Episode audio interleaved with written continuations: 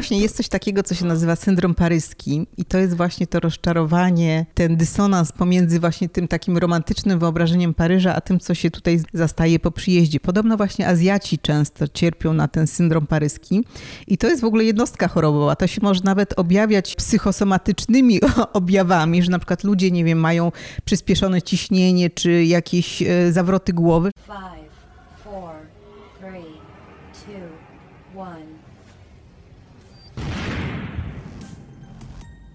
Podcast radioaktywny. Dzień dobry, dzień dobry. Ja nazywam się Małgosia Zmaczyńska. Ty słuchasz podcastu radioaktywnego, czyli luźnych rozmów na nietypowe tematy. Moi drodzy, przychodzę do Was z obiecanym wyjątkowym odcinkiem prosto z mojej podróży do Paryża do którego to wróciłam po kilku latach nieobecności. I muszę przyznać, że było to cudowne doświadczenie. Nie tylko ze względu na to, że poczułam się trochę jakbym wróciła do domu po latach.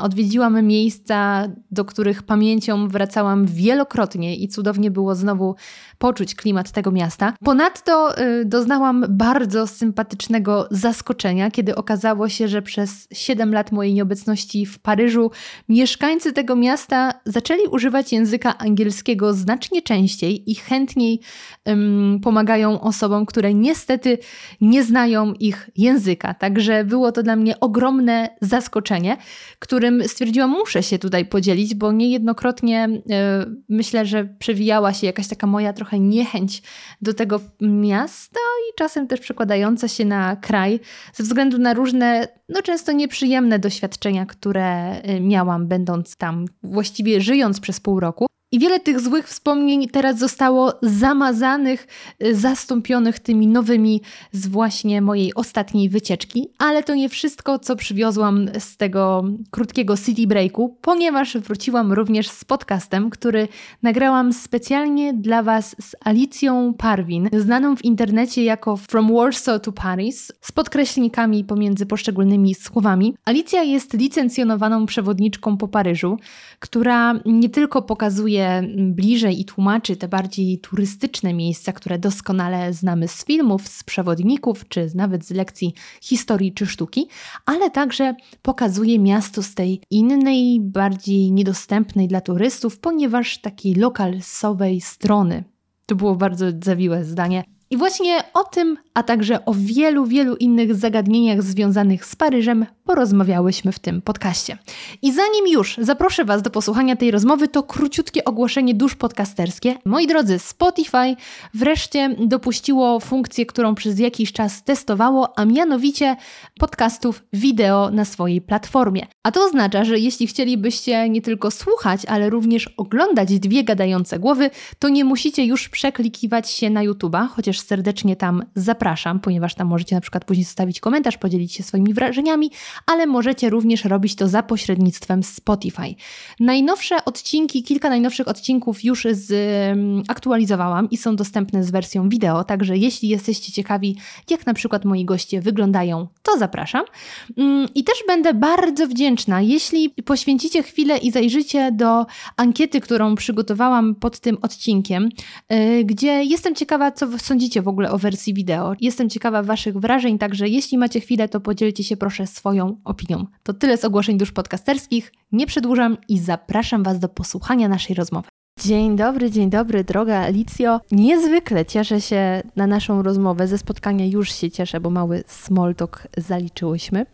E, jest to rozmowa, której długo jakoś nie planowałam, ale kiedy już natrafiłam na Ciebie na Instagramie, to było to już moje wielkie pragnienie móc z Tobą porozmawiać i cieszę się, że te plany e, doszły do skutku. Także dzień dobry, witam Cię w moim podcaście, a jednocześnie dziękuję za ugoszczenie mnie w swoim mieszkaniu. Dzień dobry, bonjour, witam w Paryżu. E, bardzo jest to miłe takie spontaniczne spotkanie. Rzeczywiście e, umówiłyśmy się błyskawicznie.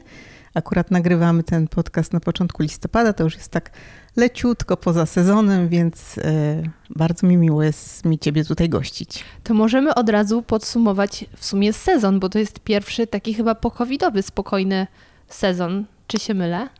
W zasadzie ruch turystyczny w Paryżu wrócił już w zeszłym roku, mhm. ale e, w zeszłym roku e, nie było jeszcze aż tak wielu turystów, dlatego że było jeszcze jednak sporo obostrzeń. I nie wszyscy po prostu mogli tutaj przyjechać, albo nie, nie wszyscy chcieli przyjechać, kiedy były takie jeszcze obostrzenia, tak?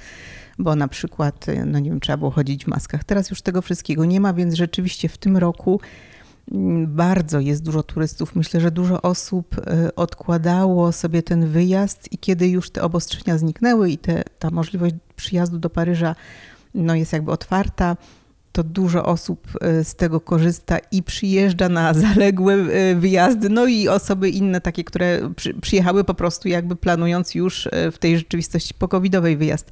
Turystów jest bardzo dużo, a jeszcze nie mamy turystów z Azji, albo bardzo mało jest tych turystów z Azji, także aż się boję myśleć o tym, co będzie w przyszłym roku, a zwłaszcza za dwa lata, kiedy będą tutaj w Paryżu igrzyska. Myślę, że tych turystów będzie naprawdę bardzo, bardzo dużo.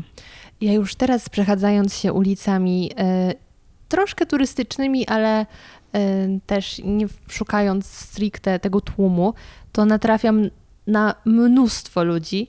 I e, tak właśnie sobie myślałam w kontekście pandemii, że tutaj trudno było chyba z tym e, o wiele trudniej, wydaje mi się, niż w Polsce walczyć, bo tutaj ten styl życia jest też inny, który zachęca do wychodzenia. Te stoliki w kawiarniach są naprawdę ciasno. To metro jest no, przepełnione ludźmi. E, no i tak jak rozmawiałyśmy wcześniej, Paryż e, jest mniejszy, dajmy na to, od Warszawy. Tak. E, ale też mm, Warszawa, mimo że jest większa, to większość jej powierzchni stanowią tak zwane sypialnie, więc to życie jest rozproszone, a tutaj mhm. wszystko jest tak upchnięte. Więc powiedz mi krótko, jak wyglądały te czasy pandemiczne? Bardzo się miasto zmieniło? To znaczy w ogóle mm, były takie okresy, że wszystko było pozamykane, tak? My w ogóle w Paryżu mieliśmy e, w ogóle we Francji takie też obostrzenia, że były takie okresy, kiedy na przykład nie mogliśmy wychodzić z domu dalej niż jeden kilometr. Potem było to 5 kilometrów, potem więcej, e, w zależności też od regionu. E, więc na przykład takie momenty, kiedy wszystko było pozamykane, a i tak nie mogliśmy za daleko od domu wychodzić, to w ogóle Paryż był pustawy tak naprawdę, bo chodzili do pracy tylko ludzie, którzy nie mogli pracować zdalnie. Był taki też okres, kiedy nawet szkoły były zamknięte, tak? Potem już te szkoły szybko otwarto, bo jednak było to bardzo ważne, żeby dzieci chodziły do szkoły. E, natomiast e, Paryż był taki pusty i z jednej strony to było ciekawe, bo ja nigdy takiego Paryża wcześniej nie widziałam po prostu. To było bardzo zaskakujące. I na przykład wykorzystałam ten czas do zrobienia bardzo wielu zdjęć bez ludzi, na co wcześniej absolutnie nie miałabym e, takiej możliwości. Natomiast muszę powiedzieć, że nie był to Paryż, który mi się podobał. Mm, nie podobał mi się taki pusty Paryż, wyglądał trochę jak z filmu katastroficznego. E, I dla mnie właśnie Paryż to jest, e, to są ci ludzie, których widać wszędzie na tych tarasach kawiarni, na ulicach. I tak jak mówisz, rzeczywiście tych ludzi w Paryżu jest bardzo dużo, bo Paryż ma powierzchnię mniejszą pięć razy od Warszawy przy podobnej populacji. Jak sobie dołożymy do tego y, dużo więcej ludzi, którzy dojeżdżają do, do pracy z regionu paryskiego, no to tych ludzi robi się jeszcze więcej. Jak sobie jeszcze dołożymy turystów, to naprawdę ten ścisk według mnie w Paryżu czuć. Natomiast ja lubię właśnie taki zatłoczony Paryż, Paryż pełen ludzi, y, Paryż gwarny, Paryż, który żyje do, do późnych godzin wieczornych. Także ten okres pandemii wspominam źle, już pomijam w ogóle fakt, no, że wtedy nie mogłam pracować, bo po prostu nie było tego ruchu turystycznego, ale po prostu taki Paryż nie podobał mi się i mam nadzieję, że już taki Paryż nie wróci nigdy. I że czasy będą coraz lepsze, chociaż niewiele na to wskazuje. E, ale dobrze, wspomniałaś już, że nie miałaś pracy, ponieważ jesteś w, nawet, czy można powiedzieć, że z zawodu jesteś przewodnikiem? Tak, tak. To jest mój jedyny zawód nie mhm. w tej chwili bo e, kiedyś zajmowałam się kompletnie czym innym. E, natomiast w tej chwili pracuję tylko i wyłącznie jako przewodnik turystyczny, licencjonowany przewodnik turystyczny i to jest moja jedyna praca, chociaż czasami rzeczywiście niektórzy turyści pytają mnie, czym zajmuję się zawodowo, bo myślą, że wykonuję tę pracę po prostu dodatkowo. Ale nie. Być może są tacy przewodnicy, którzy wykonują tę pracę dodatkowo, ale szczerze mówiąc, tacy przewodnicy z prawdziwego e, zdarzenia e, z licencjami, mm, no to raczej jest to ich zawód taki pierwszy i wykonywany na co dzień niż praca dodatkowa, bo nie wyobrażam sobie, żeby tę pracę można było wykonywać jako taką właśnie pracę dorywczą dodatkową, chociaż być może takie osoby są. to mm, tak się zastanawiam, którą ścieżkę obrać, ale kusi mnie, żeby e, odpowiedzi na pytania, e, jakie są największe zaskoczenia turystów, kiedy im opowiadasz jakieś fakty, albo e, właśnie co ich zaskakuje w tym mieście i tak dalej, zostawić to na później, ale najpierw cofnąć się w takim razie do tego, co robiłaś przed tym, jak byłaś, zostałaś przewodnikiem, chociaż może wolisz przewodniczką. I jak trafiłaś do Paryża, ponieważ nawet na Twoim, już nie tylko w mieszkaniu i po obrazach widzę, ale po Twoim niku na Instagramie wiem, że pochodzisz z Warszawy. Tak, pochodzę z Warszawy. Mhm. Wyemigrowałaś. Tak. Pochodzę z Warszawy i, i tam no, dorastałam, byłam tam całą swoją edukację. I właśnie skończyłam studia turystyczne i w zasadzie to y, chciałam być przewodnikiem, a przynajmniej pracować w jakimś zawodzie związanym z turystyką. Takie moje pierwsze marzenie, to jeszcze z czasów dzieciństwa, to było to, żeby być stewardesą. Ale ja dorastałam w czasie takiej komuny jeszcze, więc wtedy bycie stewardesą pod, pozwalało na podróże, tak? Mm, które w innym przypadku było, były mocno ograniczone. Potem już te, ten pomysł bycia stewardessą mi przeszedł, ale zawsze chciałam pracować w turystyce i takie właśnie studia kierunkowe e, skończyłam. Natomiast mm, w czasie studiów, bo e, otarłam też się o inne studia, między innymi o romanistykę, e, w czasie studiów przypadkiem trochę trafiłam na taką właśnie, poszłam do pracy w kancelarii prawnej, to była taka praca na pół etatu, bo po prostu e, szef jeden, który był Francuzem polskiego pochodzenia, potrzebował kogoś, kto będzie mówił po francusku. Ja tam po prostu trafiłam, no przypadkiem i teoretycznie tylko na chwilę, ale jak to z tymi prowizorkami bywa bardzo często, e, no zostałam tam na wiele lat. E, dlaczego? Dlatego, że po prostu trafiłam na świetną ekipę, na wspaniałych ludzi. To były lata 90., kiedy w Polsce Mm, dokonywały się różne przemiany i ta nasza praca była niezwykle ciekawa, bo pracowaliśmy z inwestorami e, głównie francuskimi, którzy inwestowali w Polsce, więc na przykład, e, nie wiem, budowaliśmy Carrefoury, który dzisiaj robimy zakupy. Naprawdę praca była bardzo ciekawa, była też bardzo dobrze płatna jak na tamte czasy, więc nie miałam takiej motywacji, żeby z tej pracy po prostu odchodzić.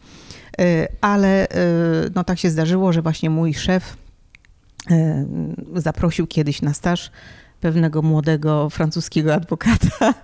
No, no i e, tutaj był tak zwany coup de foudre, czyli taki, no, no nie, może nie, nie miłość od pierwszego wejrzenia jednak, ale, ale no to, to jest mój mąż dzisiaj, tak? Także po prostu no, zakochałam się w Francuzie z Paryża. I stąd ta moja no, emigracja. Banalna. No w sumie banalna, tak, w sumie banalna, taka trywialna historia, jakich ale tysiące, ale, mhm ale to była bezpośrednia przyczyna mojej emigracji, dlatego że ja nigdy wcześniej nie myślałam o tym, żeby z Polski wyjeżdżać. Chociaż byłam, myślę, może otwarta nawet na jakieś takie duże zmiany, ale mi tam było po prostu bardzo dobrze, tak? I, i nie nosiłam się nigdy z zamiarem wyjazdu z Polski, no a tak się życie ułożyło. Więc pierwszym razem wyjechałam już w 2002 roku i myślałam, że wyjeżdżam na zawsze. Ale mój mąż po pewnym czasie otrzymał propozycję pracy w Polsce, która była właśnie związana z tym jego stażem w Polsce. E, I skorzystaliśmy z tej propozycji, wróciliśmy do Polski. Na w sumie 12 lat mieliśmy wrócić na 3-4, wiadomo. Prowizorka znowu. To, tak, znowu prowizorka się przeciągnęła, mm, a teraz e, no, znów wróciliśmy do Paryża, mieszkamy tutaj już teraz siódmy rok, no ale teraz to już myślę, że na stałe, bo teraz już jesteśmy tutaj całą rodziną. Mm, no i takie przeprowadzki czy zmiany krajów już e, dzisiaj myślę, że byłyby dużo bardziej skomplikowane, czy wręcz niemożliwe nawet. Ja tak e, zażartowałam z tym banalne, bo to brzmi jak scenariusz komedii romantycznej, e, co jest fantastyczne, bo właśnie tak czasem oglądam sobie takie filmy i myślę, Boże, przecież takie rzeczy się nie zdarzają. To nie jest takie proste i proszę. Takie tak, ale takich historii to ja znam naprawdę mhm. bardzo wiele, także moja historia jakby nie jest tutaj jakaś, nie wiem, e, bardzo e, ciekawa pod tym względem, tak? No i właśnie jeszcze wracając do tego zawodu, bo mm, to w Warszawie, kiedy urodziły się dzieci, to stwierdziliśmy jednak, że e, praca obojga nas w kancelarii jest jednak niesłychanie czasochłonna, głównie czasochłonna. E, I no, po prostu ja z tej pracy w kancelarii prawnej zrezygnowałam i wróciłam do tak zwanych korzeni, czyli w końcu zrobiłam sobie kursy przewodnickie i zaczęłam pracować najpierw jako przewodnik w Warszawie, a po mhm. powrocie tutaj do Paryża akurat miałam taką możliwość, że mogłam sobie te uprawnienia przepisać, co jest bardzo dziwne, dlatego że po prostu mając licencję przewodnika w Polsce, bo wtedy jeszcze to był taki zawód regulowany, e, ja mogłam sobie po prostu tę licencję na zasadzie uznania uprawnień e, otrzymać tutaj we Francji. Widzę tak, że robisz zdziwioną minę. Dla mnie też to było bardzo dziwne, jak dowiedziałam się o tym, że jest w ogóle taka możliwość. I kiedy rzeczywiście otrzymałam tę licencję, to trochę nie wierzyłam, bo jak ma się y, bycie przewodnikiem w Warszawie do bycia przewodnikiem w Paryżu? No Parę nijak. Y, punktów wspólnych w historii mamy, ale Tak, natomiast jakby historia miasta, no, no, no, po prostu trzeba się jej nauczyć od nowa mhm. tak naprawdę, więc mimo posiadania już tej licencji i jakby prawa do oprowadzania turystów, no nie zaczęłam pracować jednak od razu, dlatego że po prostu musiałam się najzwyczajniej w świecie dokształcić. Y, I, i bardzo dużo dały mi takie kursy w tak, tak zwanej tak, e, takiej szkole, która się nazywa École du Louvre. To jest wyższa e, szkoła, która rzeczywiście mieści się w budynku Louvru i kształci przyszłych na przykład historyków sztuki, e, konserwatorów, osoby, które pracują w muzeach przy na przykład organizacji wystaw. Natomiast były też tam takie kursy organizowane dla tak zwanych wolnych słuchaczy. Ja na takie kursy chodziłam. Były to wykłady z historii sztuki oraz takie kursy specjalistyczne, gdzie chodziliśmy z wykładowcami y, tej szkoły y, po mieście, do różnych muzeów. I to były y, kursy naprawdę na bardzo, bardzo wysokim poziomie.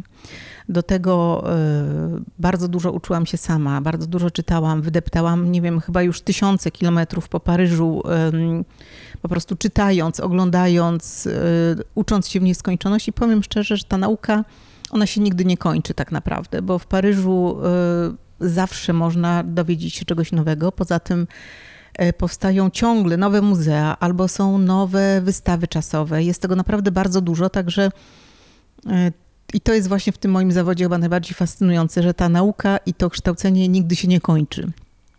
Ale ciekawi mnie, jak Powiedziałaś, że zawsze chciałaś pracować w turystyce, początkowo stewardesa, potem był plan na przewodnika. To czy w tej pracy ciebie bardziej mm, interesowało właśnie to dokształcanie się, które będzie zawsze, czy jednak kontakt z ludźmi? Bo praca przewodnika ma bardzo wiele wymiarów. Tak, chyba jednak wtedy mnie pociągała ta praca z ludźmi, bo ja nie wiedziałam wtedy jeszcze na początku, że, że to będzie właśnie taki, takie, taka niekończąca się edukacja mhm. tak naprawdę. E, dopiero potem to odkryłam, że e, nie, nie może być czegoś takiego, że się nauczę czegoś i już to wiem i w związku z tym tylko przekazuję tę swoją mhm. wiedzę dalej, tylko po prostu będę się dokształcała nieustannie. Ale to dopiero jakby zorientowałam się o tym, zorientowałam się już w praniu, że tak powiem, już jak, jak pracowałam jako przewodnik, że no, można w nieskończoność czytać różne historie, biografie, właśnie chodzić na, na wystawy i że to to się nie kończy. To jest bardzo fajne. Natomiast to, co rzeczywiście w tej pracy mi się najbardziej podoba, to, e, to ten kontakt z ludźmi i, ta, i ten zachwyt na twarzy, kiedy właśnie odkrywają jakieś piękne miejsca. I, i, i, i, i fakt, że e, kiedyś Warszawa, dzisiaj Paryż, że mogę pokazać te miejsca tak, że, że właśnie ten zachwyt wywołuje, tak? I, nie chodzi mi tutaj jakby o mój sposób opowiadania, chociaż oczywiście bardzo się staram. Natomiast chodzi mi o ten wybór miejsc, o wybór tych historii do pokazania. No bardzo to lubię. Mm, I bardzo lubię po prostu, kiedy ludzie wracają e, z Paryża z pięknymi wspomnieniami, z pięknymi zdjęciami, o których będą mówić e, znajomym, zdjęcia będą pokazywać rodzinie i będą po prostu mówić o tym zachwytem, tak? Nie będą mówić, że o Paryż ciasny, czy tam nie wiem jaki, ale że będą po prostu tym wyjazdem zachwyceni i to jest dla mnie e, jakby najsympatyczniejsza część e, tej pracy właśnie. Y, zahaczyłaś już tutaj o kwestię, która właśnie mnie też fascynuje w kontekście pracy przewodnika. To jest dobór informacji, które chcesz e, przekazać. Bo to jest duża sztuka, właśnie dobrać odpowiednie informacje do osób, które się oprowadza i jestem ciekawa, czy najpierw sobie troszkę badasz ludzi, z którymi masz do czynienia, jaki jest ich poziom wiedzy, może też wiek i tak dalej, żeby później podać im konkretne informacje, które Twoim zdaniem mogą ich zainteresować, czy jednak masz jakiś taki sprawdzony zestaw i raczej się go trzymasz. bo moje jedyne doświadczenie z przewodnikiem, właściwie są dwa.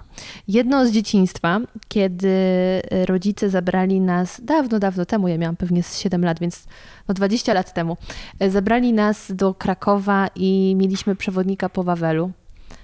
I to był straszny człowiek, który rodzicom opowiadał tam jakieś rzeczy, a ponieważ ja byłam młodsza, to on zanim cokolwiek dalej powiedział, to mówił a z polskiego na nasze, żeby mhm. powiedzieć to mhm. mnie. I mówił te same rzeczy, tylko myślał, że mówi je w prostszy, prostszy sposób, mówił tak samo, a ja i tak je rozumiałam z, te, z pierwszej wersji. Mhm. I to był taki nieprzyjemny kontakt z nim. A drugi kontakt z przewodnikiem to właśnie miałam rozmawiając w podcaście z Hanką Warszawianką. Och. Tak, więc y, z Hanią też się poznałyśmy, więc ona już mi odczarowała świat przewodników, także cieszę się, że jesteś tutaj kolejna. Ale jaki jest ten twój klucz e, informacji, które przekazujesz? Mhm. Z Hanią e, miałam kiedyś przyjemność poznać się osobiście, bo była właśnie jednym mm, z wykładowców e, czy takich chyba mieliśmy praktyczne z nią zajęcia na kursie przewodnickim w Warszawie. O proszę. To było wiele lat temu, ale pamiętam ten kontakt bardzo dobrze, bo Hanka Ta rzeczywiście energia. jest tak, to jest kobieta petarda z wielką energią i z wielką pasją. Mhm. Ale wracając do twojego pytania, mm, właśnie ludzie często mnie pytają, czy mi się nie nudzi taka praca, w której cały czas opowiadam to samo. Mhm. No otóż um, każda praca tak naprawdę jest w pewien sposób powtarzalna, tak? Nawet jak się, nie wiem, ma innych klientów, czy, czy, no ale nikt w pracy nie robi codziennie innych rzeczy.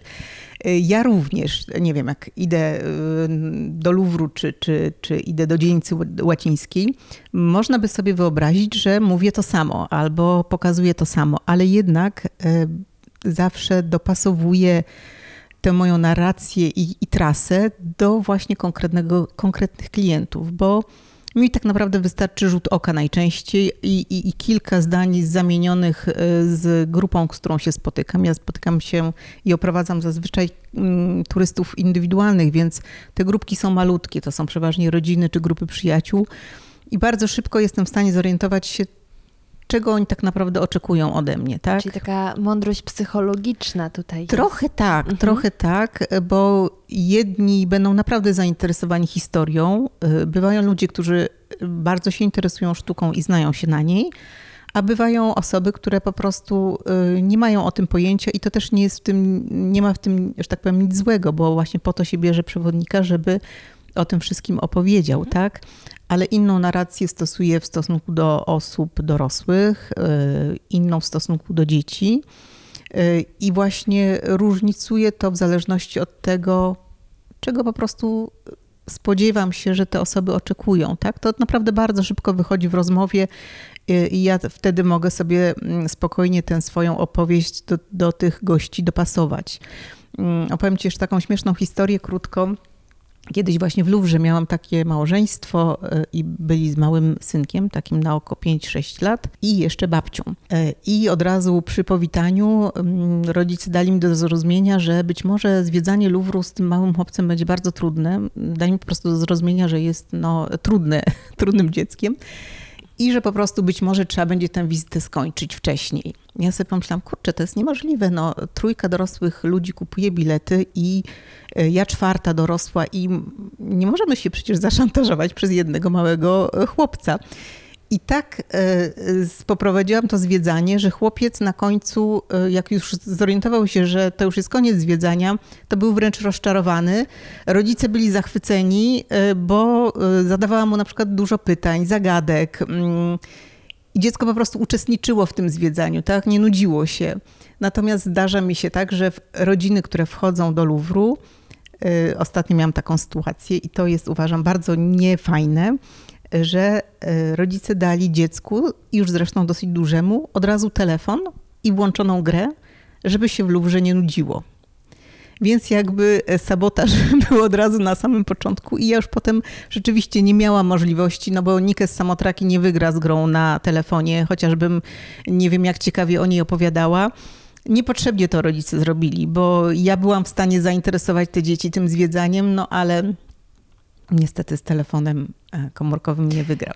Ale słuchaj, to ja już wiem, że y, będę musiała zaplanować kolejną wizytę w Paryżu i wynajmę cię na oprowadzanie po Louvre i poproszę dokładnie ten sam scenariusz co u tego chłopca, ponieważ no ja, jak ci wspominałam, to nie jest moja pierwsza wizyta w Paryżu, tak łącznie z pół roku tutaj spędziłam, więc Louvre nieraz odwiedzałam.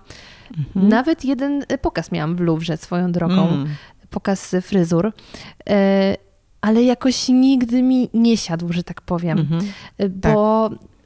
nie jestem zwolenniczką grubych takich przewodników, gdzie są suche fakty. Do mnie suche fakty, kto namalował w jakim roku, w jakim stylu, mm. nie trafiają. Tak. Ja nie mam takiej artystycznej, e, historycznej duszy, więc to nie są informacje dla mnie, ale jakieś ciekawostki, mm, chłonę. No właśnie, głównie na tych ciekawostkach chyba ta nasza praca się opiera, dlatego że e, takie, jak mówisz, suche fakty i daty, to ja wiem, że to i tak nikomu nie zostaje w głowie i tak naprawdę mało kogo to interesuje. Louvre akurat jest w ogóle bardzo trudnym muzeum do zwiedzania, Ogromnym. bo to jest po prostu tak, to jest muzeum bardzo duże i to jest budynek, który był budowany kilka wieków, dlatego sam budynek jest po prostu labiryntem, pełnym różnych korytarzy, poziomów, przejść, schodów i tak dalej. I trudno jest osobie, która mm, ma niewielkie na przykład pojęcie o tym, co w ogóle tam można znaleźć, na takie dokonanie takiego poza wyboru. Monalizą. Tak, dokładnie, poza Monalizą. Trudno jest właśnie jakby dokonać takiego wyboru i mhm. potem jeszcze te dzieła odnaleźć. To też jest pewna sztuka. Tak. Dlatego ja zawsze mówię, że gdybym miała polecić jedno miejsce do zwiedzania z przewodnikiem w Paryżu, to byłby to właśnie Louvre. Mhm. Dlatego, że myślę, że y, tamten przewodnik mm, przyda się najbardziej po prostu przewodnik pójdzie sobie taką trasą, którą albo sam wymyśli, albo e, klient mu zasugeruje i pokaże to, co ten gość chciałby zobaczyć, a nie, mm, a nie będzie się po prostu, e, nie wiem, e, snuł po korytarzach, tak jak widzę, że wielu turystów no po prostu chodzi trochę tak bez celu, trafia w jakieś działy, które kompletnie ich nie, nie interesują i wychodzą ludzie później po pięciu godzinach na przykład bardzo zmęczeni, a niewiele zobaczyli. Tak, tak? bo też właśnie im dłużej się chodzi, tym mniejszą się już ma energię, żeby odkrywać tak, i się zachwycać. i percepcję, tak, i, i, i energię. E, no mówię, to jest rzeczywiście dosyć trudne muzeum, także polecam bardzo zwiedzanie. Polecam się. Się też.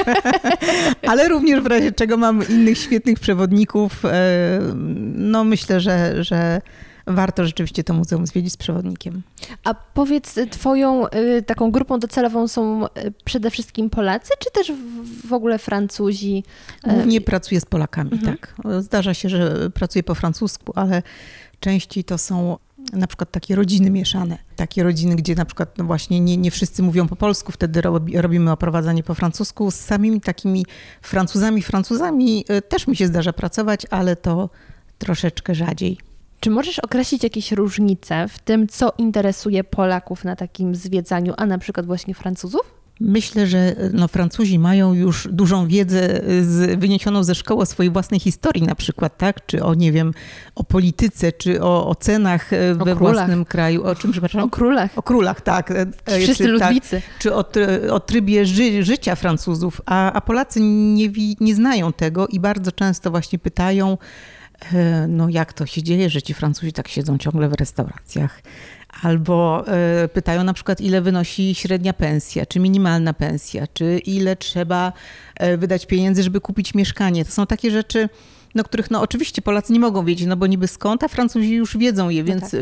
prędzej Francuzi będą pytali o takie właśnie ciekawostki, a, a Polacy bardzo często pytają o takie... Prozę życia. E, tak, o takie sprawy życia codziennego, bo to też jest bardzo ciekawe tak naprawdę, tak? E, no a przecież nie zapytają się jakiegoś tam człowieka na ulicy, słuchaj, ile ty zarabiasz, tak? A mnie mogą takie pytanie Ale, zadać. No to zostajmy przy tym. Czy to nie jest trochę po prostu tak, że to samo co w Polsce, tylko że w euro? Tak, takie, takie dokładnie e, opinie wiele razy słyszałam, że ceny w Paryżu są dokładnie takie same jak w Polsce, tylko w euro.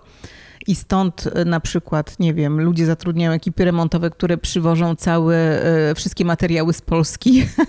Ale powiem szczerze, że to też się zmienia, bo ja właśnie jestem świeżo po powrocie z Polski, gdzie nie byłam mm, ponad rok i byłam cenami w Polsce bardzo zaskoczona, więc e, no, nie wiem, tak, nie, nie wiem, czy nie idziemy w kierunku wyrównania tych cen, chociaż myślę, że tak, takiego wyrównania wyrównania cen, raczej nie, nie dojdzie. Pensji. No tak, ale nawet do wyrównania cen myślę, że też nie dojdzie, bo jednak Paryż jest bardzo drogim miastem e, i też niektórzy turyści na to narzekają, że po prostu jest drogo. No, no, no to trzeba przyznać, tak, że, że jest drogo, także e, no to też jest jakieś taki, takie mm, ciekawe dla, dla Francuzów, e, przepraszam, dla Polaków właśnie, ile na przykład takie mieszkanie kosztuje, tak? Czy, czy ile, ile zarabia powiedzmy przeciętna osoba, tak jak jest przeciętna pensja. No takie różne mhm. kwestie są, myślę, dla, dla turystów często interesujące. A co jest największym zaskoczeniem, jeśli chodzi o Paryż dla ludzi przyjezdnych? Bo e, kiedy ja po raz pierwszy przyjechałam, a i tak moja pierwsza wizyta chyba była taka najbardziej um, romantyczna, romantyczna pod kątem romantyzowania życia. Teraz taki jest trend trochę w internecie, mhm. romantyzowanie życia. I wtedy mieszkałam z francuską e, w Port Mayu. Mhm. Więc taka piękna też kamienica, takie francuskie mieszkanie, jak sobie wyobrażam. E, zapraszanie znajomych na wino w poniedziałek wieczór, kiedy ja sobie myślałam, jak w poniedziałek wieczór? To piątek jest od spotkań. Więc wtedy po raz pierwszy zobaczyłam taki trochę francuski styl życia. I ten pobyt był dla mnie taki trochę e, no, wyjątkowy. Ale największym jednak zaskoczeniem było to, że na każdym rogu nie stoi człowiek z akordeonem. Ja miałam jakieś takie wyobrażenie, że jak się już w mm. ogóle pójdzie e, na Montmartre, Mhm. to tam stoją ludzie z akordeonem, e, malują obrazy i tak dalej. I tak nie, trochę inaczej to wygląda.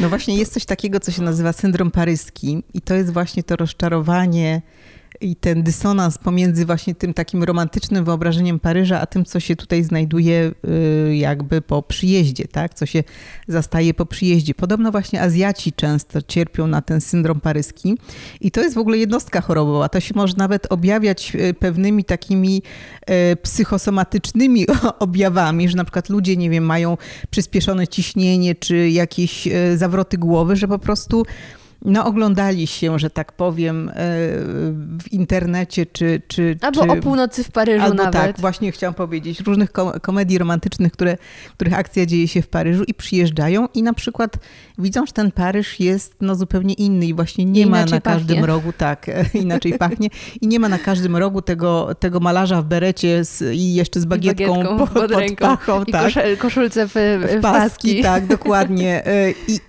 i, I, są bardzo jakby zaskoczeni, tak? że, że, że tak nie jest na, tutaj na co dzień, że po prostu wszyscy się przechadzają właśnie z tym akordeonem i, i siedzą i piją wino. E, no, na pewno jest jakaś tam e, różnica i to, i to zaskoczenie, natomiast no Paryż jednak jest piękny. To no nie można mu tego odmówić, tak. chociaż rzeczywiście zdarza się, że ludzie zamieszkują w jakiejś kiepskiej dzielnicy. Ja to zawsze bardzo odradzam, żeby po prostu nie psuć sobie tego, mm, tego wrażenia. No ale Paryż jest piękny. Co najczęściej zaskakuje e, ludzi, to mi się wydaje, że to właśnie to, że widzą cały czas e, Francuzów, Paryżan, no, często też wymieszanych z turystami na tarasach kawiarni, restauracji i dziwią się, że ci Francuzi, nie no, mają oni, pracy. Tak, że oni cały czas po prostu siedzą e, w restauracji, właśnie piją to wino i coś tam sobie jedzą. Ja pamiętam, jak mój tata przyjechał pierwszy raz do Paryża i poszliśmy właśnie na obiad i on mówi, jak już wychodziliśmy, mówi, zobacz Alusia, ci państwo byli tutaj przed nami, my wychodzimy, a oni dalej siedzą. Mój tata po prostu nie rozumiał tego, że mm, wyjście do restauracji to nie tylko takie zaspokojenie fizjologicznej potrzeby głodu, po prostu na jedzenie się, tylko takie wydarzenie towarzyskie, tak, że przychodzi się do restauracji właśnie nie tylko po to, żeby zjeść, ale głównie, żeby spotkać się, e, nie wiem, z przyjaciółmi, z rodziną, ludzie, jak idą w czasie pracy na lunch, to po prostu wychodzą też z kolegami z pracy i mają wtedy czas na, na spokojne pogawędki. I w tych restauracjach rzeczywiście e, dużo czasu się spędza i niektórzy właśnie mówią, no ale jak to, no oni nie mają pracy, no o co chodzi?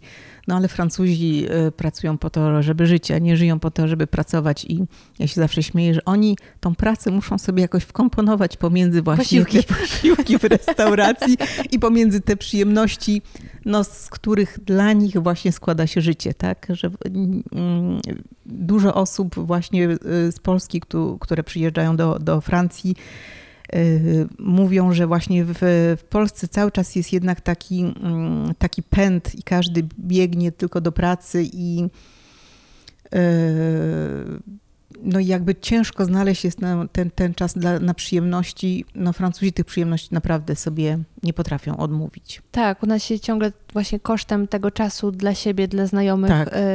y, działa, pracuje. Mm, Ja pamiętam nawet jak y, czasem przychodziłam do siedziby mojej agencji y, i miałam jakiś krótki temat do załatwienia, albo to była jedyna chwila pomiędzy castingami, kiedy mogłam wpaść i się, nie daj Boże, y, okazało, że jest to pora, kiedy oni idą na lunch, to było, no, no, pardon, wychodzimy. Tak, to prawda. I zwykle do jednego upatrzonego, jednej upatrzonej restauracji gdzieś niedaleko, gdzie mieli swój stolik. Tak, tak bardzo często jest. I rzeczywiście. Pora posiłku we Francji to jest naprawdę taka święta pora. W ogóle jakby zadzwonienie na przykład do kogoś w służbowej sprawie o godzinie 13 to jest duży nietakt. E, Po prostu tego się nie robi, bo wtedy wiadomo, że wszyscy są na obiedzie.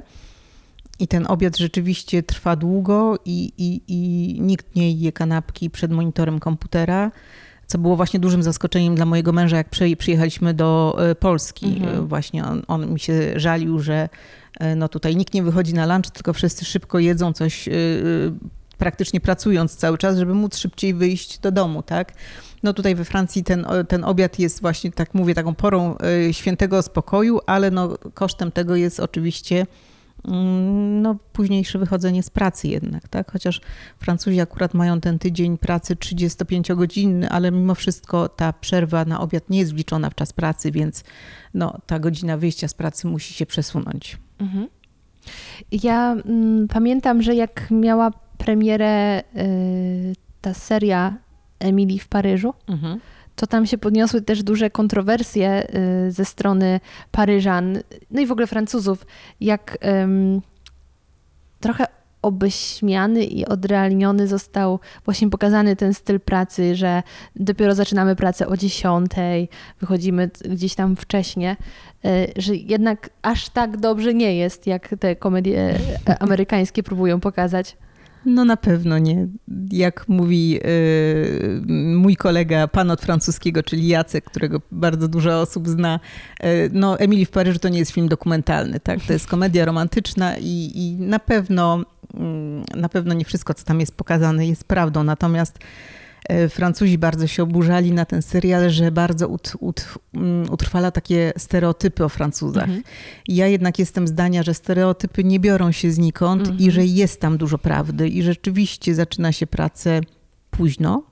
Chociaż oczywiście jak ktoś pracuje na etat i ma godzinę przyjścia do pracy, no to raczej jej przestrzega, ale jeżeli ktoś ma taki zawód bardziej luźny, że tak powiem, i może sobie te godziny pracy regulować, to raczej przyjdzie później niż wcześniej. No i wracając do tego serialu, no, mm, no ja uważam osobiście, że naprawdę jest tam w nim bardzo dużo prawdy. Dziękuję. Ja też tak uważam.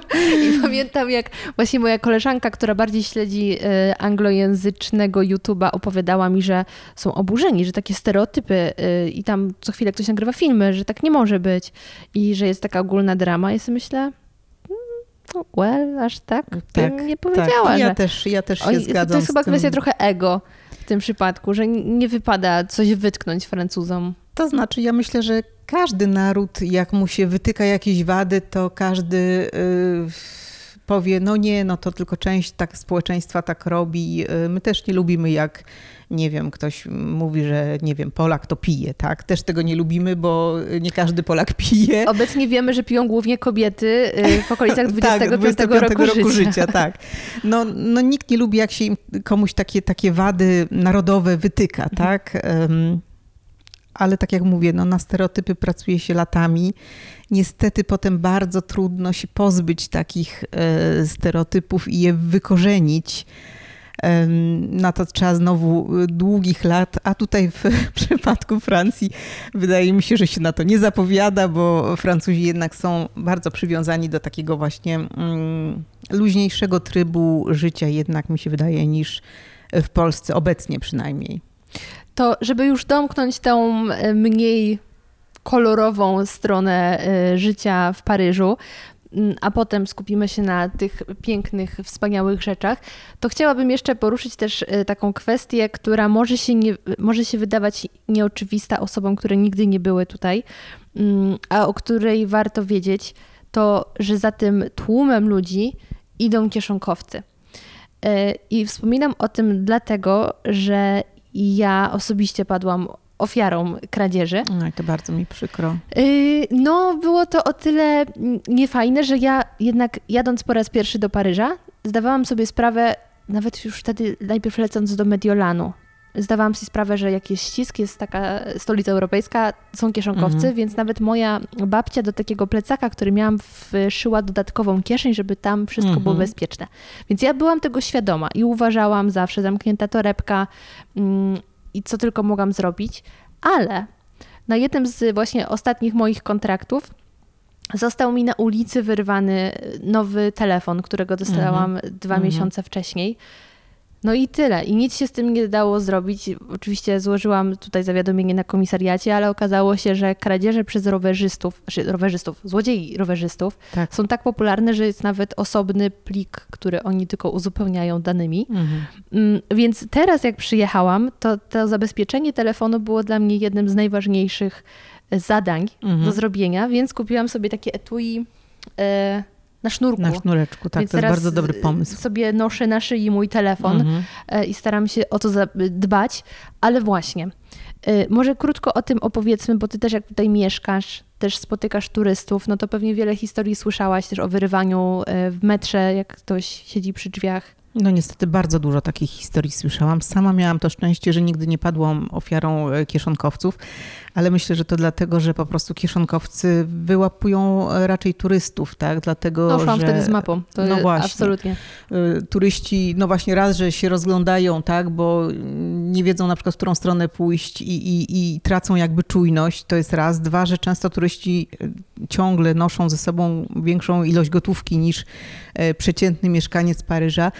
Mm, no to powoduje, że jednak częściej i łatwiej stają się łupem kieszonkowców, a tak jak mówisz, każde duże miasto, w którym jest dużo turystów, no tych kieszonkowców przy, przyciąga i nie inaczej jest w Paryżu. Niestety tych kieszonkowców mamy bardzo dużo, to jest naprawdę plaga.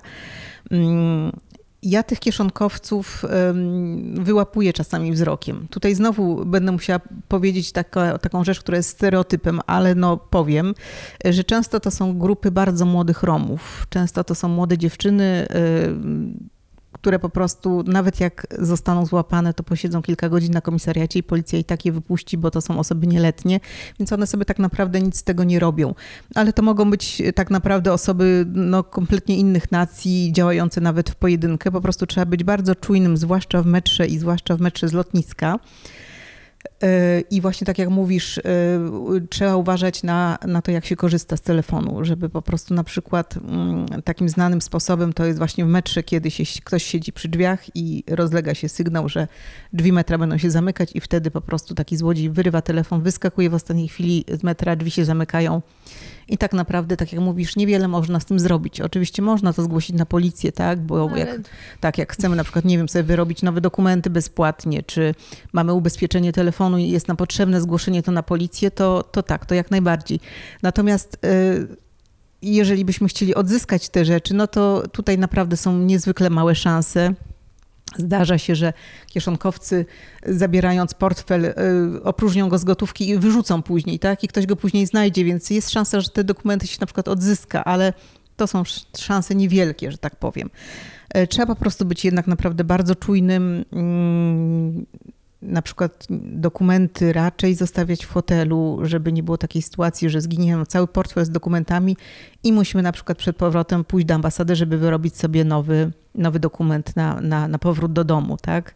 I nie nosić właśnie dużej ilości gotówki na wszelki wypadek. No i po prostu być czujnym, nosić rzeczy nie wiem, w torebce z przodu, nigdy w kieszeni z tyłu, nigdy w plecaku No niestety, y, no jest to taka niechlubna sława Paryża, tych kieszonkowców tu jest sporo i tych historii niestety słyszałam już bardzo dużo. A kieszonkowcy y, są tacy w ogóle właśnie mm, aroganccy i, i tak jak mówię, niewiele sobie robią, nawet jak się zauważy, że ktoś kradnie. Ale są też bardzo sprytni, trzeba im Tak. oddać. I ja y, odpukać, tak zupełnie szczerze, to y, jestem dalej pod wrażeniem Warszawy. Że w Warszawie tego tak nie ma. I ym, jestem też już uczulona na to, co się może wydarzyć, więc staram się właśnie w metrze raczej tak nie siedzieć w tym telefonie, szczególnie przy wyjściu, Mhm. y, nie bawić się. W ogóle to, jest niesamowite, ile ludzi ma rozpięte torebki i nie robi sobie z tego nic. Albo takie torebki, które z natury nie mają zapięcia. Ja nie Właśnie wiem, po co mam taką... taką torebkę i, Okej. i nigdy, i tak jak mówię, nigdy mi się nie zdarzyło, żeby ktoś mm, mnie okradł. Natomiast, no tak jak mówię, jednak y, kieszonkowcy skupiają się na turystach, stąd być może Więc jak ktoś ma y, beret i torbę z napisem Paryż, to, hmm, No tak, i mapę w ręku, tak, no to... to, to, może to wyglądać. dokładnie, to, to już jest y, ciekawszym łupem dla kieszonkowca niż taki zwykły mieszkaniec Paryża. Ale, żeby właśnie nie było takiego oczerniania, jest to też domena po prostu dużych miast. Nie byłam Tak, w Nowym Paryż. Jorku y, albo w Chicago. Domyślam się, że mogłabym się spotkać z podobnymi Na pewno. sytuacjami. Mm, Więc tutaj możemy y, zamknąć y, taki szary rozdział historii tak, o Paryżu. zdecydowanie, zamknijmy go już. E, tak, i e, za chwilkę chciałabym przeskoczyć do tej pięknej części, ale teraz będzie taki króciutki e, segmencik, uwaga, jingle. Trudno uwierzyć, że coś takiego jest możliwe. O czym ty do mnie rozmawiasz? O czym ty do mnie rozmawiasz? To jest taki właśnie króciutki segmencik na odkrycia, zachwyty, zaskoczenia z ostatniego czasu, jakie miałaś. Kategoria dowolna. Nie musi to być związane z pracą przewodnika, jakaś informacja, która cię zaskoczyła, a może być to na przykład coś, co pierwszy raz zjadłaś i cię zachwyciło, albo jakieś ciekawe miejsce zobaczyłaś. Ale to musi być związane z Paryżem? Czy Nie, zupełnie nie. Dowolna kategoria życia. Dowolna kategoria życia. Tak, to mam bardzo dużo takich rzeczy, bo ja się, Wspaniale, no to proszę. ja się w ogóle, y, nie wiem, no szybko zachwycam różnymi rzeczami. Żywisz się ciekawostkami. Tak, ale w ogóle bardzo lubię jakby w ogóle odkrywać nowe rzeczy i być może stąd te częste zachwyty, tak? Bo myślę, że gdybym siedziała tylko na kanapie w domu, to tych zachwytów byłoby mniej. E, Ale na przykład zacznę od, od e, takiej mojej ostatniej podróży. M, Byłam e, z przyjaciółkami na południu Włoch i odkryłam takie miasto Matera. Przepiękne miasto, którego historia sięga jeszcze jakichś naprawdę zamieszłych czasów. Tam ludzie kiedyś w ogóle mieszkali w jaskiniach, ale całe miasto to jest takie jakby stare miasto, takie naprawdę mm, piękne, stare domy. I tam na przykład był kręcony początek ostatniego Bonda w tej materze. A przy, naprawdę przepiękne miasto, mm, no, zachwyciło mnie i bardzo bym tam chciała wrócić, bo y, wybrałyśmy się tam na jeden dzień jakby nie wiedziałam, że to, to, to będzie taki zachwyt i, i na pewno na południe Włoch jeszcze wrócę E, i do tego miasta na pewno też.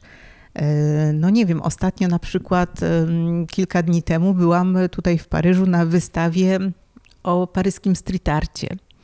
Czy kilka dni temu e, byłam w kinie na filmie Maskarada, który niedługo wejdzie też do kin w Polsce i który bardzo mi się spodobał.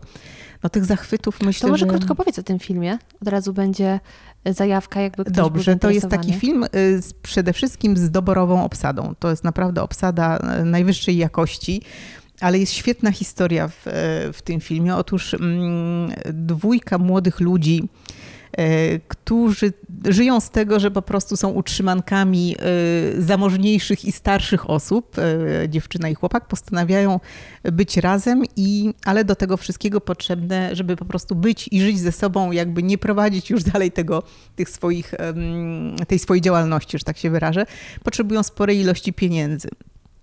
No i próbują każde ze swojej strony wkręcić y, y, właśnie mm, osoby takie, y, które się w nich zakochują, tak? Mm, Ale no nie mogę więcej opo- opowiedzieć o Bo tym będzie filmie. spoiler. Tak, bo będzie spoiler, a tam właśnie największym atutem tego filmu jest zaskoczenie. Bardzo wartka akcja i zaskoczenie, szczególnie na końcu, kiedy się okazuje, że prawda jest zupełnie inna niż nam się to wszystko wydawało.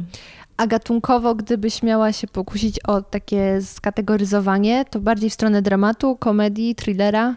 E, takie trochę to jest taki niby film obyczajowy, ale z takim kryminalnym wątkiem, bo, bo tak naprawdę historia też, e, w historii też jest proces jakby już na koniec tych, tych osób, które się dały właśnie w tę historię e, wkręcić.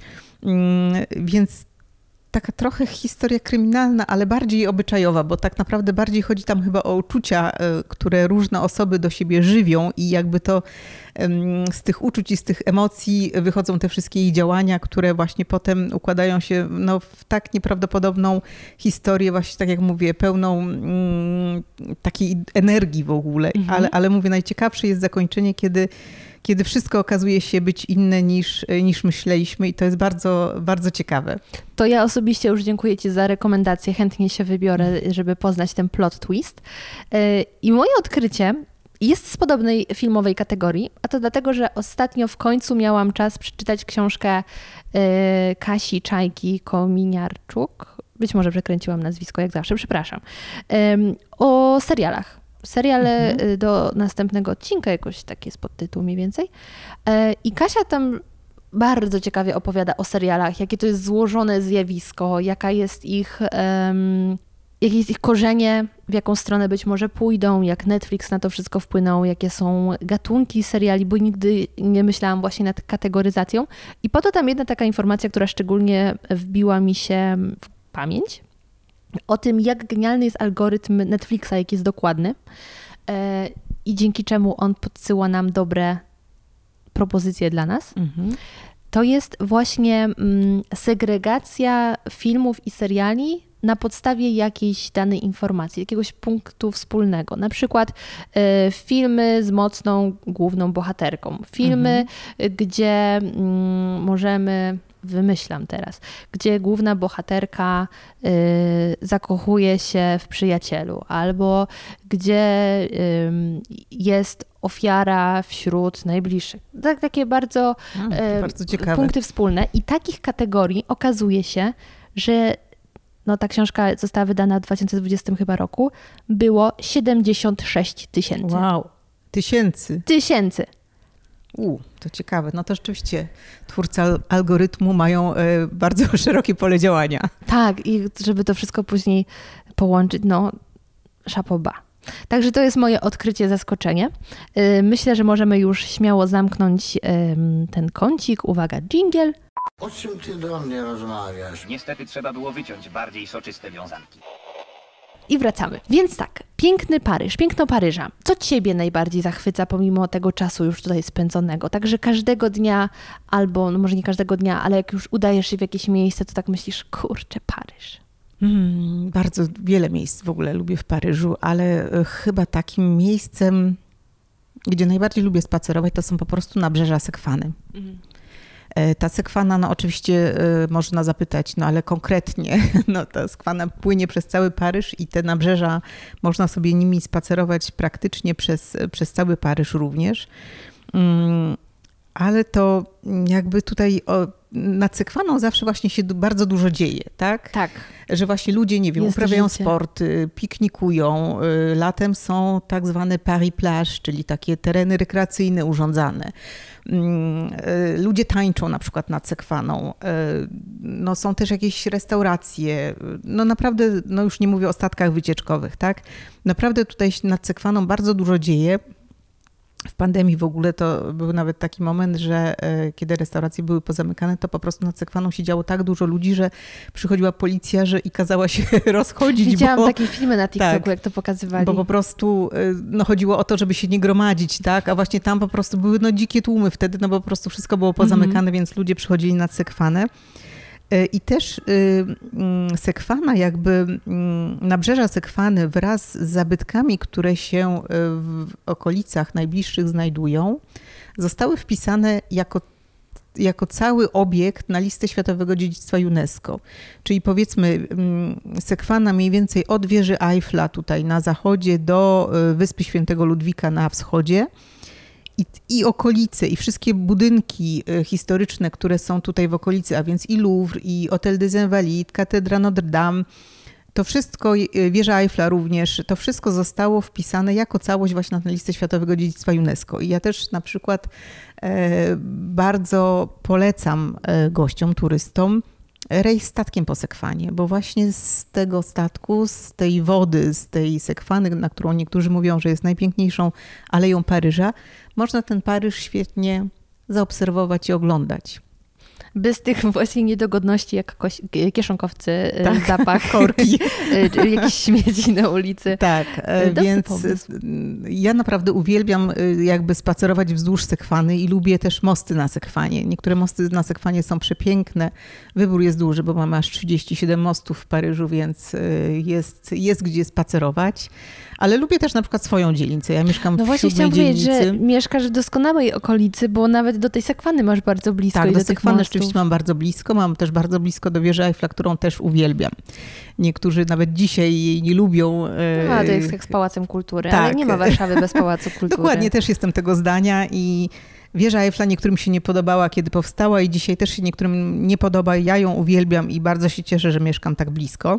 Chociaż w sumie sama tak bardzo często może na nią nie chodzę. Zdarza się, że, że e, z turystami albo z własnymi gośćmi, ale lubię na nią e, chodzić i, i lubię tą moją dzielnicę, bo mimo tej obecności wieży Eiffla tutaj w tej naszej dzielnicy i obecności jakby wielu innych takich zabytków, który, do, które turyści często odwiedzają, jak na przykład Muzeum Orsay, chociaż to jest akurat już jakby zupełnie drugi, drugi koniec tej dzielnicy, czy, czy właśnie Hotel des Invalides mm, i jeszcze kilka innych.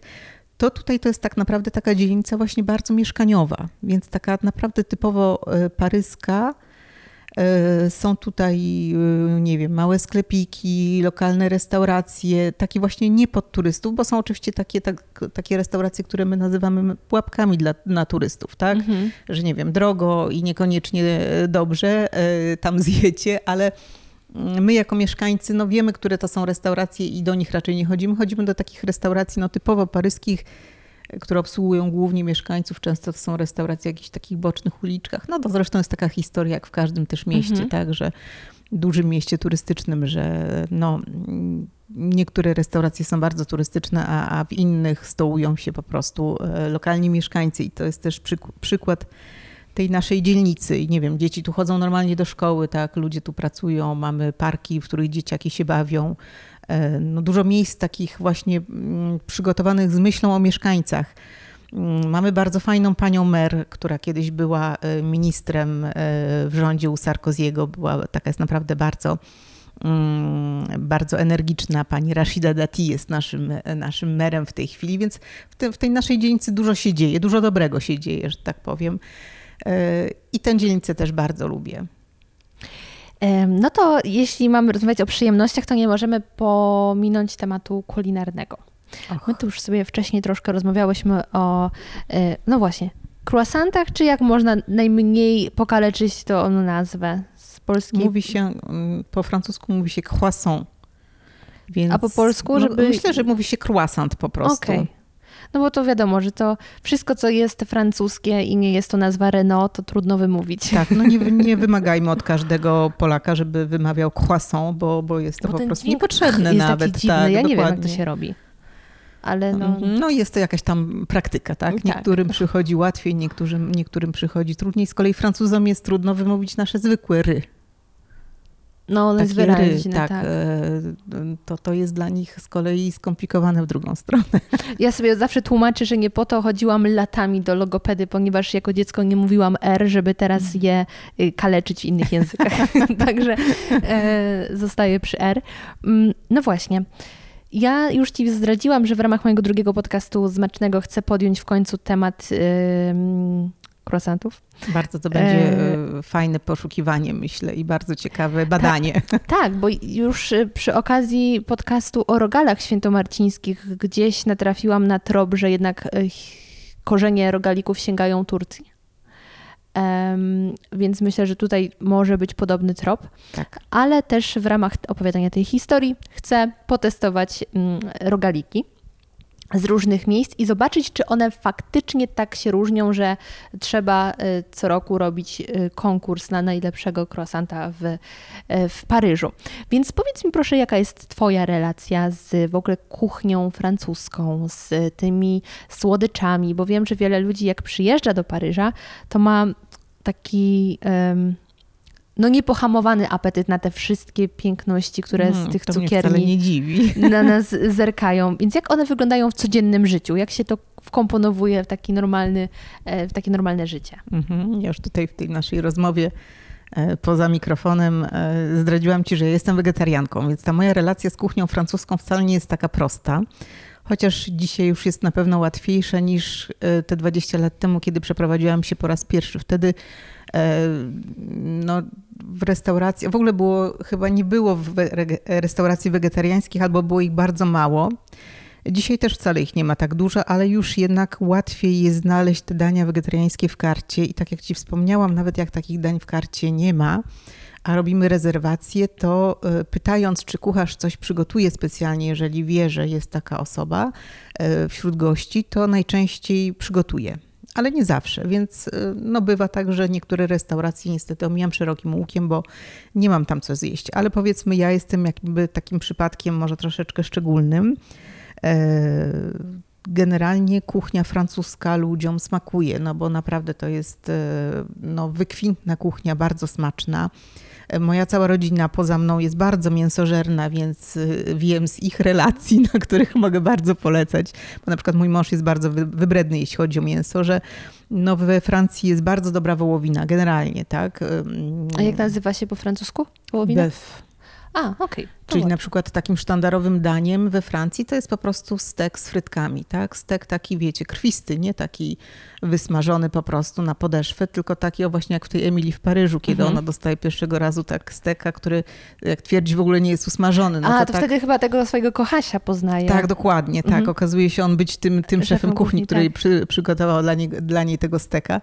Rzeczywiście takie, taka wołowina jest tutaj, ym, no krótko się smaży, tak? Ona jest rzeczywiście taka raczej krwista. Bardzo dobra jest kaczka, bardzo dobre są ryby i owoce morza w szczególności. Yy, No Francja z tego słynie.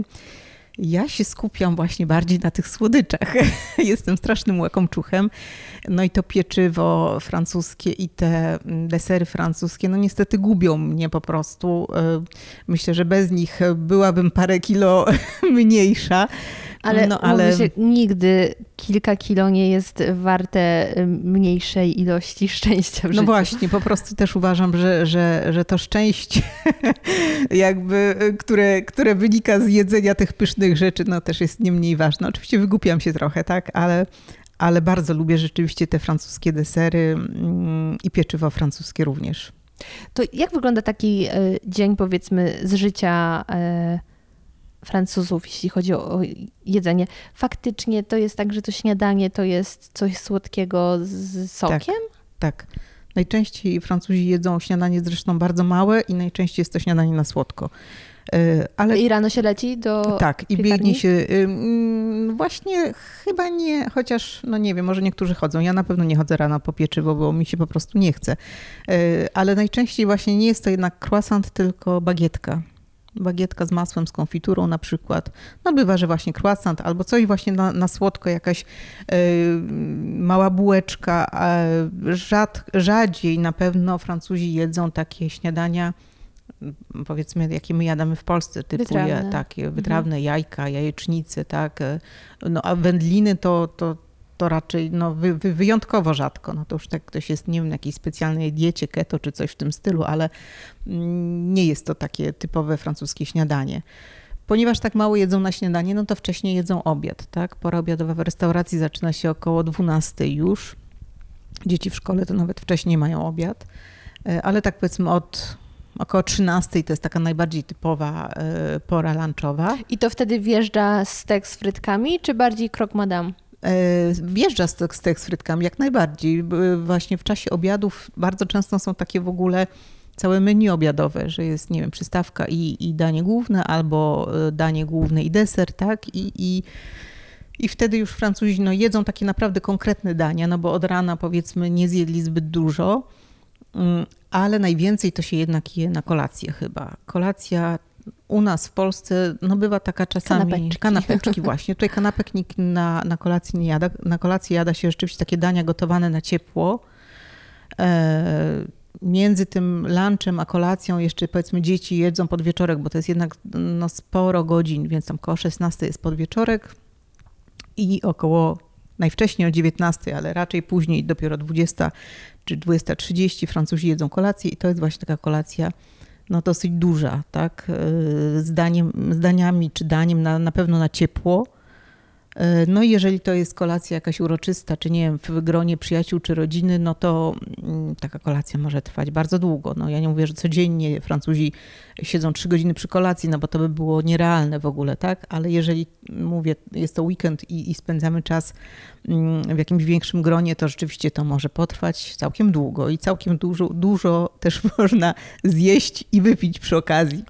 I wtedy rano jest się mniej głodnym, więc coś Właśnie, słodkiego więc wystarczy wystarcza. znowu Tak ten jest. mały kawałeczek bagietki. Słuchaj, powoli tak do, dopinając ten temat, bo tutaj o w ogóle życiu mm, w Paryżu czy we Francji, bo właśnie Fra Francja a Paryż to nie jest dokładnie to samo, tak jak Warszawa a Polska. Tutaj widać Mhm, różne tak. różnice. I nie będziemy aż tyle rozmawiać, ale chciałam jeszcze mm, podpytać już tak z kulisów Twojej pracy o to, y, które miejsca mniej takie znane, jak pójście właśnie na Sacré-Cœur, albo wieżę Eiffla, albo y, Notre Dame, które miejsca robią taki efekt wow wśród turystów, a zupełnie się nie spodziewali, albo przewodniki aż tak się nie rozpisują i uważasz, że warto się tam wybrać. Mhm. Ja na przykład e, bardzo lubię zabierać moich gości do opery Garnier, czyli miejsca, w którym, którego, bardzo blisko Mhm. którego się ty tym razem zatrzymałaś. I to jest właśnie ten efekt wow, bo jakby opera zazwyczaj nie znajduje się na e, liście topowych jakichś miejsc do odwiedzenia w Paryżu, ale jak ktoś przyjeżdża na dłużej i ma Mhm. więcej czasu lub przyjeżdża już po raz kolejny, to e, proponuję, żeby tę operę zobaczył. Od środka, bo ona Od już z środka. zewnątrz robi wrażenie. Tak, ona już z zewnątrz jest dosyć efektowna, ale to jest dopiero zapowiedź tego, co się dzieje w środku. Także na, to, Mhm. jest, to jest właśnie ten efekt wow, że po prostu ludzie wchodzą i otwierają paszcze, bo po prostu e, bogactwo tych dekoracji jest naprawdę e, ogromne i e, mi się osobiście też bardzo podoba tam taki sufit Szagala, który się znajduje nad, e, nad widownią, nad tą salą, w której jest scena z widownią. E, To się naprawdę bardzo podoba. I druga taka rzecz, myślę, nieoczywista, która zawsze robi fajne wrażenie, o której mało ludzi jakby wie z przewodników, to są tak zwane kryte pasaże. Czyli takie uliczki, mm, które zostały zadaszone i stały się takimi pasażami handlowymi.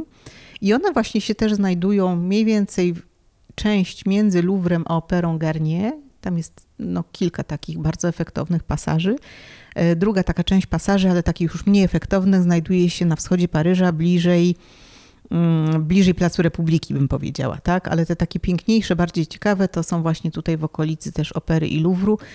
I to też jest takie zawsze zaskakujące, bo to już naprawdę trzeba wiedzieć, w którą bramę wejść, żeby na taki pasaż trafić i, i, i turyści rzadko kiedy o tym wiedzą. I to też zazwyczaj bardzo im się podoba. I jest takie właśnie zaskakujące i, i takie nietypowe trochę, jak na Paryż. Z mojej perspektywy też dużym zaskoczeniem był spacer po cmentarzach, więcej Mhm. niż jednym. Mhm. E, że to jest niesamowite, jak, jak one są wielkie i że Tak. są te uliczki, że samochodem w ogóle można wjechać. Tak. Jest mapa na początku. Cmentarze w ogóle przypominają takie miasteczka, prawda? Bo tam jest bardzo dużo. Nekropolie. Tak, tam jest dużo takich Mhm. nagrobków, które po prostu wyglądają jak takie dom, domki tak naprawdę. Więc yy, tak, spacery po cmentarzach, no nie każdy lubi, ale jeżeli... No też zależy po prostu od pory dnia. Pewnie tak i pory roku, bo teraz jesienią Tak. na pewno te spacery są dużo bardziej przyjemne, ale rzeczywiście to jest bardzo ciekawe, e, bardzo ciekawy sposób na zwiedzanie Paryża, bo tam tak naprawdę co, co grup i co jakaś e, znana osoba pochowana, to można opowiadać całą historię o tej osobie. Tak. I to Mm. również nasze y, lokalne historie, ponieważ kilku Polaków jest dwóch pochowanych, znanych? Czy? No, na cmentarzach to jakby z takich najbardziej popularnych osób to mamy Fryderyka Chopina na Père Lachaise. Jest słowacki. E, Słowacki, Słowacki ma taki pusty grób Mhm. na e, cmentarzu Montmartre, dlatego że on potem, te jego szczątki były przeniesione na Wawel. Mhm. Tam został pusty grób, ale ten grób cały czas rzeczywiście istnieje. No i mamy też Marię Skłodowską-Curie, która jest pochowana w Panteonie, no a to już nie cmentarz, ale mauzoleum. No tak jak mówię, przy każdej takiej osobie, ale tych Polaków jest tutaj y, więcej zdecydowanie i, i takich, czy historii związanych z Polakami, bo na przykład, nie wiem, mamy e, Balzaka na cmentarzu Père który jest pochowany ze swoją polską żoną Eweliną Hańską. Tu jest też cała historia miłosna, bardzo ciekawa do opowiedzenia. Tak jak mówię, każdy grup, przy którym się zatrzymamy, to jest tak naprawdę bardzo ciekawa historia życia y, tej osoby, która tam została pochowana, a często też mamy tam bardzo dużo takich różnych ciekawostek związanych już z samym pochówkiem czy, czy, czy funkcjonowaniem grobu po śmierci tej osoby. No to też może być bardzo ciekawe. Tak jak mówię, nie każdy lubi te, te wyprawy po cmentarzach. Myślę, że dzieci zdecydowanie mniej, ale dorosłe osoby bardzo chętnie na takie y, spacery się wybierają. No, i No to memento jest, tak. mori to jest No też tak, to- ludzka to- to- rzecz tak, tak naprawdę. Dokładnie, to myślę, że z wiekiem przychodzi takie zainteresowanie taką tematyką i, i mm, no i to na pewno jest też e, rzecz do zrobienia w Paryżu. Być może też nie, nie wpisywałabym tego na pierwszym miejscu, ale tak jak mówię, jak ktoś ma więcej niż weekend, czy właśnie przy, przyjeżdża do Paryża po raz kolejny, to też bardzo, bardzo polecam. E, no to chyba jako podsumowanie, e, powiedz mi, czy jest jakaś rzecz, którą chciałabyś zmienić w postrzeganiu Paryża przez Polaków, albo jakaś taki apel e, lub jedna informacja, którą myślisz, że warto wiedzieć i która być może też zachęci, żeby przyjechać i zobaczyć, jeśli ktoś jeszcze nie był. Ja często się spotykam z taką opinią, że Paryż jest bardzo brudny. Nie zgadzam się z tą opinią e, zupełnie. Chociaż właśnie dużo osób przyjeżdża i mówi, jaki ten Paryż jest czysty. Nie jest ani brudny, ani czysty, mi się wydaje, mm, tylko nie wiem skąd taka, taka właśnie opinia, że Paryż jest takim bardzo brudnym miastem. My się czasami śmiejemy, my to znaczy mówię osoby, które mieszkają w Paryżu, że właśnie jak się umówimy na to wino, czy na kolację siedzimy na tarasie e, kawiarni czy restauracji, to czasami nie można rozmawiać, bo w tym czasie trzy razy przejedzie śmieciarka, która zbiera śmieci, tak?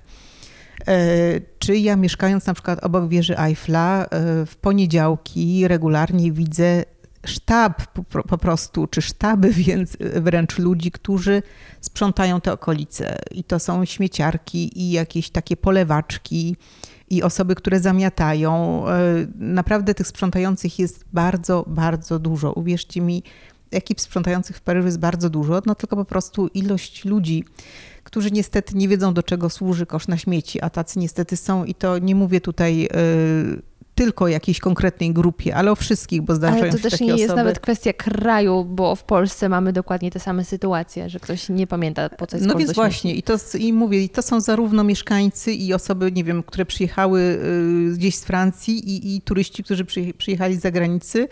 No niestety ludzie na przykład po pikniku pod wieżą Eiffla y, zapominają, w cudzysłowie to powiem, zabrać ze sobą y, resztki swojego ucztowania, tak? I stąd na przykład mamy niestety w Paryżu ciągle problem ze szczurami. Że po prostu te szczury się pojawiają tam, gdzie zostają To takie... jest ciekawe, bo powiem Ci, że ja ani razu nie widziałam w Paryżu szczura. A ja widuję regularnie, właśnie zwłaszcza tutaj w okolicach Tak? wieży, gdzie, gdzie mieszkam, więc po prostu w Okej. tym parku często bywam e, z dziećmi, czy, czy przechodzę o różnych porach dnia, widuję te szczury. Ale to jest ratatuj. Także w sumie nie jest zdziwienie. No możemy tak, tak się umówić, że to są te, ta, ta rodzinka Ratatuja. E, Natomiast, no właśnie mówię, nie zgadzam się z, z tą opinią, że Paryż jest e, takim brudnym miastem. Po prostu ludzie są niestety niektórzy brudni i, i, i ten, to miasto takie zostawiają i te ekipy, no chociażby nie wiem co, co robiły, nie nadążają po prostu z tym sprzątaniem. Więc bywa tak, że rzeczywiście, nie wiem, wieczorem pod wieżą Eiffla jest brudno, no bo po prostu śmieci się dużo nagromadziło, ale następnego dnia rano przychodzi ekipa i je sprząta. Więc em, taki mój apel to może jakby tak, zacznijmy od siebie, tak? E, I potem dopiero, nie wiem, wytykajmy jakieś tam wady Paryżowi. Tyle. No i żeby właśnie na tych kieszonkowców chyba uważać. To taka druga rzecz, żeby po prostu nie, nie kojarzył nam się potem ten wyjazd z nieprzyjemną sytuacją, żebyśmy mogli zapamiętać tylko i wyłącznie te, te, te miłe chwile, tak? Żeby po prostu tych nieprzyjemnych sytuacji nie było. O. Y, plus y, y, lifehack, jak bardziej wydać się lokalsem, absolutnie nie stać na czerwonym, kiedy inni idą. Ja przez pierwsze godziny miałam taki mindfuck na zasadzie, co się dzieje, a później, a no tak, przecież czerwony jest sugestią. Tak, dokładnie. Ja niestety muszę się pilnować w drugą stronę. Jak przyjeżdżam do Polski, to no wiele razy po prostu rozglądam się tylko, czy nic nie jedzie i już prawie wychodzę na ulicę, ale tak myślę, oj, zaraz nikt nie idzie, to ja chyba też poczekam na tym czerwonym. Tak, to działa rzeczywiście w dwie strony, ale rzeczywiście w Paryżu na tym czerwonym świetle się przechodzi. Teoretycznie jest to wykroczenie, natomiast w praktyce e, wszyscy Ale- tak robią i, i policja absolutnie nie daje za to mandatów, chociażbyście przeszli e, policjantowi pod nosem byłam czy przed samochodem. sytuacji, Tak. nic się nie wydarzyło, Nie. ale ja mam ogromny szacunek dla kierowców, jeśli chodzi o cierpliwość, bo oni nawet nie trąbią na tych ludzi, którzy przed maską im wychodzą i oni powinni móc jechać, a stoją. I nie trąbią. I jest takie, jeju, moja cierpliwość nie wytrzymałaby tutaj. No to właśnie to jest k- kolejny mit, który muszę obalić, to to, że w, w Paryżu e, ludzie jeżdżą beznadziejnie, tak? Czy, czy źle Ja jeżdżą. podziwiam ich umiejętności. Mi się wydaje, że po prostu skill. Zawsze jak pojedziemy do jakiegoś innego miejsca, to nam się wydaje, że tam kierowcy jeżdżą źle, bo po prostu jeżdżą inaczej niż my jesteśmy przyzwyczajeni, tak? Ja pamiętam jeszcze, kiedy mieszkałam w Warszawie, a miałam dużo e, wspólnego ze społecznością e, takich ekspatów francuskich, to oni, oni, oni byli załamani tym, jak jeżdżą Polacy z kolei, tak? A Polacy jak przyjeżdżają samochodem, czy, czy obserwują sytuację na ulicy w Paryżu, to dziwią się, że tutaj nie dochodzi do wypadków na przykład pod słynnym łukiem, znaczy na słynnym rondzie pod Mhm. łukiem triumfalnym. Mhm. I każdy się dziwi, y, jak tam, jak tam w ogóle się jeździ. A tam są zasady i tam sobie rzadko chyba dochodzi do, do jakichś stłuczek, tak? Więc y, wydaje mi się, że to jest po prostu inny styl jeżdżenia, inny, inne zasady troszkę panują, tak? Z kolei na przykład, nie wiem, we Francji ludzie się zawsze wpuszczają na suwak, wjeżdżają, y, nie jeżdżą tak zderzak w zderzak jak w Polsce, więc tak naprawdę jest to po prostu trochę inny styl jazdy, ani lepszy, ani gorszy. Y, Zgoda. Tym bardziej, że można nawet poczuć tą inną, inny styl jazdy, jak się wyjedzie z miasta, w którym się mieszka. Kiedy ja jeżdżę po Warszawie, no to jeżdżę tak jak ludzie w Warszawie, czyli dość agresywnie i Mhm. tak e, Mhm. szybko. I jak przyjeżdżam z mojej strony, to trochę mnie denerwuje, że ludzie tak mało energicznie jadą, że się zastanawiają, czy na tym zielonym ruszyć, czy nie. Ale z drugiej strony, kiedy wjeżdżam w okolice górskie, to widzę, jak ludzie z Warszawy nie umieją jeździć po zakrętach No szybko. właśnie, no właśnie. E, ale To do wszystko się Pary- zgadza. Tak, ale do Paryżan mam ogromny podziw, że oni panują nad chaosem na drodze, bo to, to jest duża umiejętność mieć oczy dookoła głowy, kiedy naprawdę jest ciasno, Tak. są do tego piesi i nie ma tych stłuczek. No, Znaczy, no oczywiście są, ale nie ma ich tyle, są. co Nie ma, nie ma ich aż tyle, co tak. myśleli tak Dokładnie, z marszu. dokładnie. Także wow.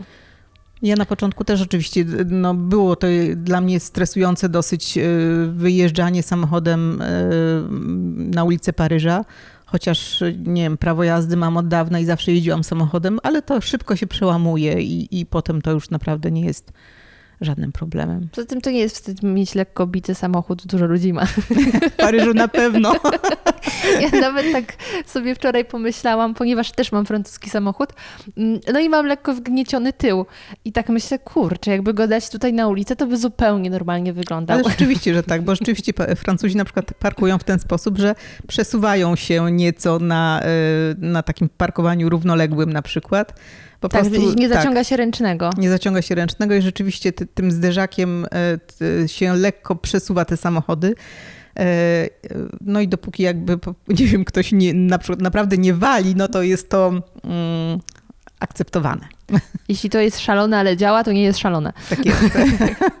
Moja droga, serdecznie dziękuję Ci e, za poświęcony czas, że mnie przyjęłaś w tym pięknym wnętrzu, e, za Twoje historie i naprawdę jak następnym razem przyjadę, może zabiorę rodziców, żeby im pokazać Paryż, to e, zapisuję się do Ciebie na zwiedzanie, bo jestem przekonana, że jeszcze wiele ciekawych miejsc mi i historii em, opowiesz i pokażesz. Także zachęcam również wszystkich na, na spotkanie z Tobą i jeszcze raz ogromnie dziękuję. Mam nadzieję, że mm, to miasto wciąż będzie Cię zachwycać, dawało powody do takich małych zachwytów i wielkich odkryć. E, no i że będziesz dalej panował nad tym chaosem. Ja pięknie Ci dziękuję za to spotkanie i, do, i za zaproszenie do wystąpienia w tym podcaście. No i zapraszam Ciebie z rodzicami i wszystkich słuchaczy na wizytę w Paryżu. I jak wrażenia? Jestem ciekawa, czy ta rozmowa zachęciła Was, pomimo różnych trudności, które mogą spotkać nas na miejscu, ale przede wszystkim mnóstwo piękna możemy zobaczyć, zachęciła Was, aby odwiedzić Paryż, albo jeśli już byliście w Paryżu, to czy poczuliście się zainspirowani, aby udać się tam na nowo, być może teraz pozwiedzać jakieś inne miejsca i na przykład wybrać się do Louvru, tylko tym razem z przewodnikiem. E, niezależnie od tego, mam nadzieję, że przede wszystkim miło spędziliście z nami czas. Ja, podobnie jak w podcaście, gorąco zachęcam Was do tego, abyście zajrzeli na Instagram Alicji. Przypomnę From Warsaw to Paris e, z podkreśnikami pomiędzy poszczególnymi słowami. Oczywiście link zamieszczam w opisie tego odcinka. Na koniec przypomnę, że nowy odcinek już za dwa tygodnie i będziecie mogli w nim posłuchać Człowieka Śmiecia czyli Bartka, który z grzebania w śmieciach zrobił dobry, rentowny biznes. Także serdecznie już dzisiaj Was zapraszam. A jeśli jesteście tutaj po raz pierwszy, to rozgośćcie się, zapoznajcie się z wcześniejszymi odcinkami, bo trochę ich na Was czeka. To wszystko z mojej strony. Bardzo Wam dziękuję i do usłyszenia już niedługo.